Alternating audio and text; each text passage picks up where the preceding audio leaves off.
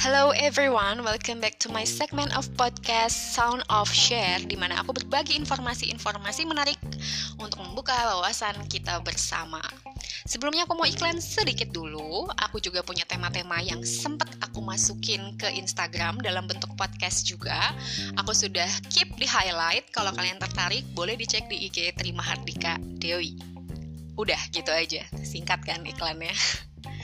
Kita langsung masuk ke topik atau tema hari ini tentang Munchausen syndrome by proxy yang sempat aku uh, jadikan tema polling juga di uh, Instagram dan dapat ranking 2 karena mostly orang tertarik dan penasaran mendengar nama yang nggak familiar ini. Nama MSBP ini rame diperbincangkan ketika beberapa tahun lalu terjadi kasus di Springfield, Amerika, pembunuhan Didi Blanchard, seorang ibu yang dibunuh oleh anaknya yang sakit parah dan menderita cacat fisik luar biasa. Bikin orang-orang bertanya, how come? So, I do a little bit of research tentang si MSBP ini dan ternyata penelitian tentang ini tuh nggak terlalu banyak gitu loh teman-teman.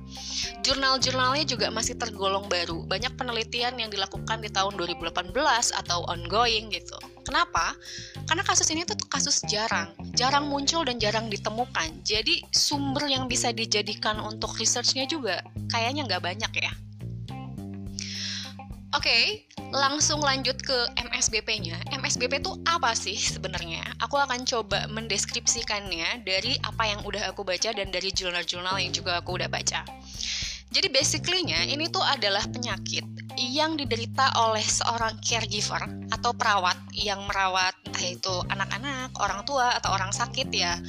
Basically orang-orang yang nggak bisa menjalankan aktivitasnya secara mandiri dengan memiliki dorongan untuk memanipulasi si orang yang dirawatnya itu agar terlihat lebih parah, lebih menyedihkan, dan lebih luar biasa tidak berdaya agar memperoleh simpati bagi dirinya.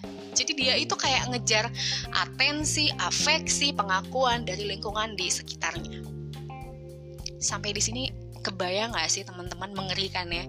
Jadi ini penyakit secara langsung tidak hanya menyakiti diri dia, tapi juga menyakiti orang lain yang dia rawat tersebut. Memanipulasi di sini atau membuat kesan lebih parah terkait orang yang dia rawat ini nggak cuma dari segi verbal dramatization gitu, nggak cuma sekedar dia kayak ngegosip ditambah-tambahin bumbu, nggak, tapi melibatkan abuse juga.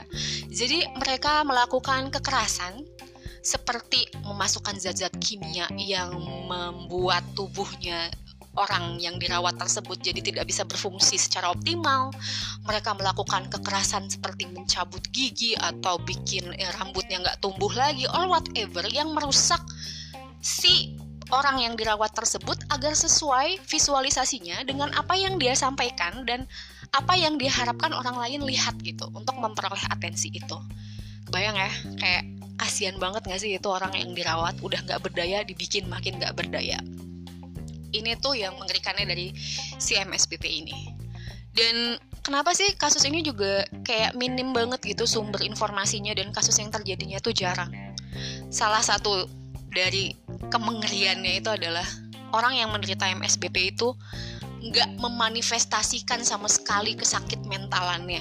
Jadi orang dengan MSBP itu akan tampil sebagai orang yang sociable, joyful, penuh dengan kasih, mungkin dekat ke agama, sangat penyayang dan sangat menomorsatukan orang yang dia rawat. Sebegitunya, jadi kasus ini tuh nggak gampang kebongkar pada akhirnya.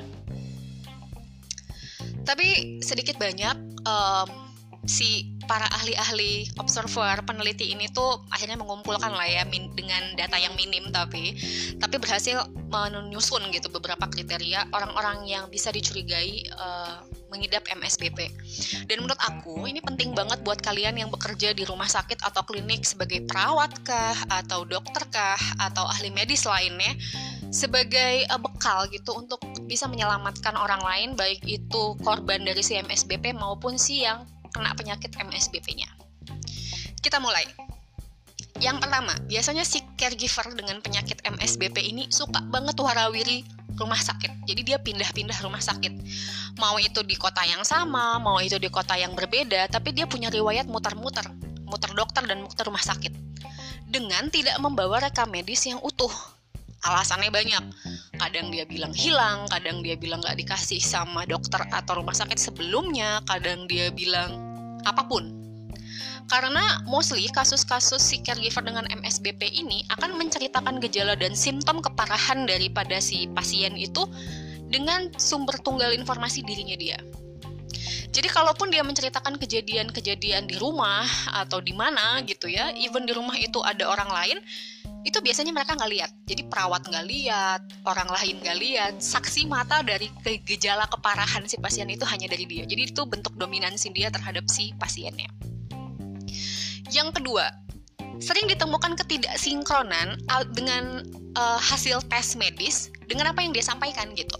Jadi ketika dia menyampaikan nih orang sakitnya A, B, C, D, F, G, pas dicek medis, seringnya nanti uh, dokter akan menemukan kejanggalan. Kok harusnya penyakit gini tuh nggak gini? Kurang lebih kayak gitu. Dan ketika disampaikan, kalau orang normal biasanya akan jadi lebih curious kan, kayak, oh gitu, jadi seharusnya sakit apa dong? Apakah diagnosa yang kemarin salah? Atau kalau misalnya, bu kayaknya ini nggak separah itu, kalau orang normal pasti akan bilang, oh ya, jadi ada harapan dong, apa yang harus saya lakukan? Tapi kalau buat orang dengan MSBP, dia akan menunjukkan kekesalan.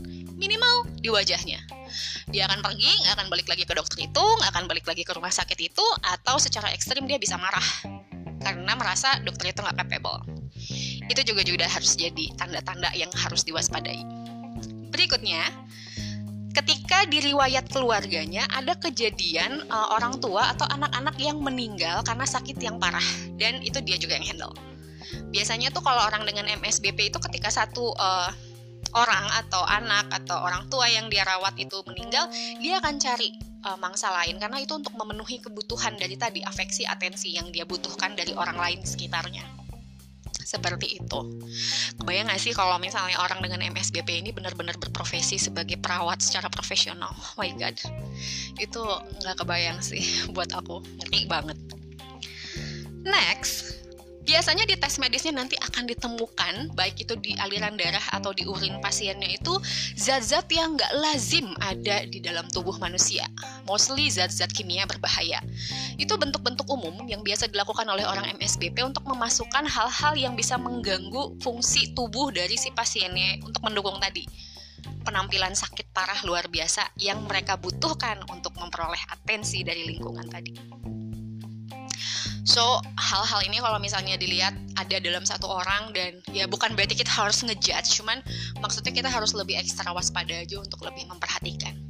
Karena biasanya orang-orang kayak gini tuh akan sangat senang dirawat di rumah sakit. Dan nanti benang merahnya ketika dirawat di rumah sakit nih orang akan membaik si pasiennya, tapi begitu dibawa pulang selang beberapa hari atau seminggu, oh, tiba-tiba drop parah dan itu berulang-ulang terjadinya gitu.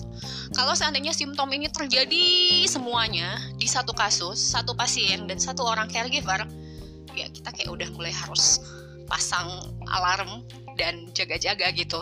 Um, apakah kita bisa melakukan sesuatu? seperti itu tapi ya balik lagi ya ini um, kayak informasi bekal ya buat kita kita untuk bisa lebih memahami dan mudah-mudahan bisa membantu orang lain nantinya. Karena ini juga sebenarnya kasus yang tergolong jarang sih ya. Oke terus kita coba berjalan ke step selanjutnya. Kira-kira penyakit ini tuh terjadinya karena apa sih? Kenapa sih orang bisa menderita MSBP apakah semua uh, orang yang berprofesi sebagai perawat atau menjalankan aktivitas uh, merawat orang secara rutin berpotensi terkena penyakit ini jawaban pastinya nggak tahu ya. Tapi kayaknya sih enggak karena um, satu ya tadi aku bilang kasus ini tuh masih terlalu jarang. Tapi orang uh, orang-orang yang ahli berusaha untuk mengumpulkan data dan memutuskan kemungkinan ini tuh terjadi karena genetis dan juga trauma di masa lampaunya gitu. Entah itu trauma di masa kecil ataupun trauma di masa dia dewasa. Misalnya kayak perpisahan pernikahan dan lain sebagainya. Tapi rata-rata mereka beriwayat uh, sebagai korban abuse atau neglectful. Jadi dia sebagai anak yang diajukan atau juga dia sebagai korban dari child abuse itu biasanya berpotensi. Dan yang harus kita perhatikan dan harus hati-hati juga orang-orang uh, yang tadi dirawatnya terutama anak-anak yang menjadi korban dari MSBP ini memiliki potensi cukup tinggi juga untuk kemudian mengembangkan penyakit ini ketika mereka dewasa. Jadi ya harus lebih ekstra aware dan hati-hati juga untuk korban-korban terutama yang anak-anak ya untuk bisa di terapi sesudahnya. Ngomongin terapi, terus terapinya apa dong? Para ahli menyatakan cukup sulit untuk melakukan terapi terhadap orang yang menderita penyakit MSBP ini. Kenapa? Karena mereka memiliki sifat yang bakal hard denial, benar-benar menyangkal apa yang mereka lakukan. Karena tadi kan mereka memanifestasikan diri mereka tuh sebagai orang yang sangat penyayang, orang yang sangat peduli sama orang lain, perawat dan lain sebagainya. Itu akan akan sangat sulit untuk memaksa mereka membuka blog mainnya mereka untuk mengakui mereka sakit dan perlu disembuhkan. Tapi kalaupun seandainya ini berhasil dilakukan, uh, biasanya sih akan lebih efektif dengan melakukan treatment CBT atau Cognitive Behavior Therapy. Tapi kebayang sih kayaknya itu waktunya akan sangat panjang. Jadi sesi terapinya akan sangat banyak gitu ya. Tapi ya mau nggak mau itu harus dilakukan karena balik lagi masalah mereka tuh ada di kepala. Mereka bermasalah untuk memperoleh afeksi atensi or whatever itu dengan cara yang seperti itu gitu. Itu yang harus diluruskan. Belum ada penelitian dan ahli yang mampu secara fix uh, menetapkan uh, masalah dari si MSBP ini utamanya apa. Tapi kalau aku ini opini ya, opini aku sebagai seorang psikolog klinis, aku rasa ini masalahnya adalah ya tadi Kemungkinan karena mereka pernah mengalami trauma di masa lalu yang mengakibatkan mereka gagal mengembangkan coping atau mengembangkan skill untuk mampu menjalankan tuntutan kehidupan mereka secara wajar gitu. Dan orang-orang seperti ini udah pasti ya immature dan ada gangguan impuls lah yang cukup parah. Karena beberapa jurnal juga menyatakan orang-orang MSBP ini cenderung memiliki self esteem yang rendah dan ambang stres yang juga rendah. Jadi kebayang gak sih dia insecure, dia gampang stres, tapi dia nggak punya cara gitu untuk mengatasi itu. Jadi frustrasinya mereka itu tidak menghasilkan coping yang rasional juga gitu, nggak mampu gitu. Jadi ya mengembangkan hal-hal yang jadinya nggak realistis dan merugikan diri dia dan juga orang lain. Oke, okay, uh, eh, kurang lebih seperti itu sih tentang Munchausen syndrome by proxy yang um, bisa aku sampaikan. Mudah-mudahan bermanfaat, jadi bahan informasi yang juga dapat digunakan, baik itu buat sehari-hari, menambah wawasan atau apa pun. Referensi ini aku uh, ambil dari Web Medical Reference tahun 2018 dan juga dari beberapa penelitian di uh, Michigan Medicine University tahun 2018 juga dan beberapa artikel-artikel berita tentang kasusnya di Blanchard. Ada sih ketertarikan aku untuk bahas juga tentang Didi Blanchardnya, cuman kita lihat nanti apakah uh, banyak fakta-fakta yang juga cukup menarik untuk bisa disampaikan. Nanti aku uh, do a research lagi sedikit. Oke, sampai di sini mudah-mudahan bermanfaat, mudah-mudahan uh, kalian terhibur. Have a joyful day, have a calm day, and always be positive. Bye.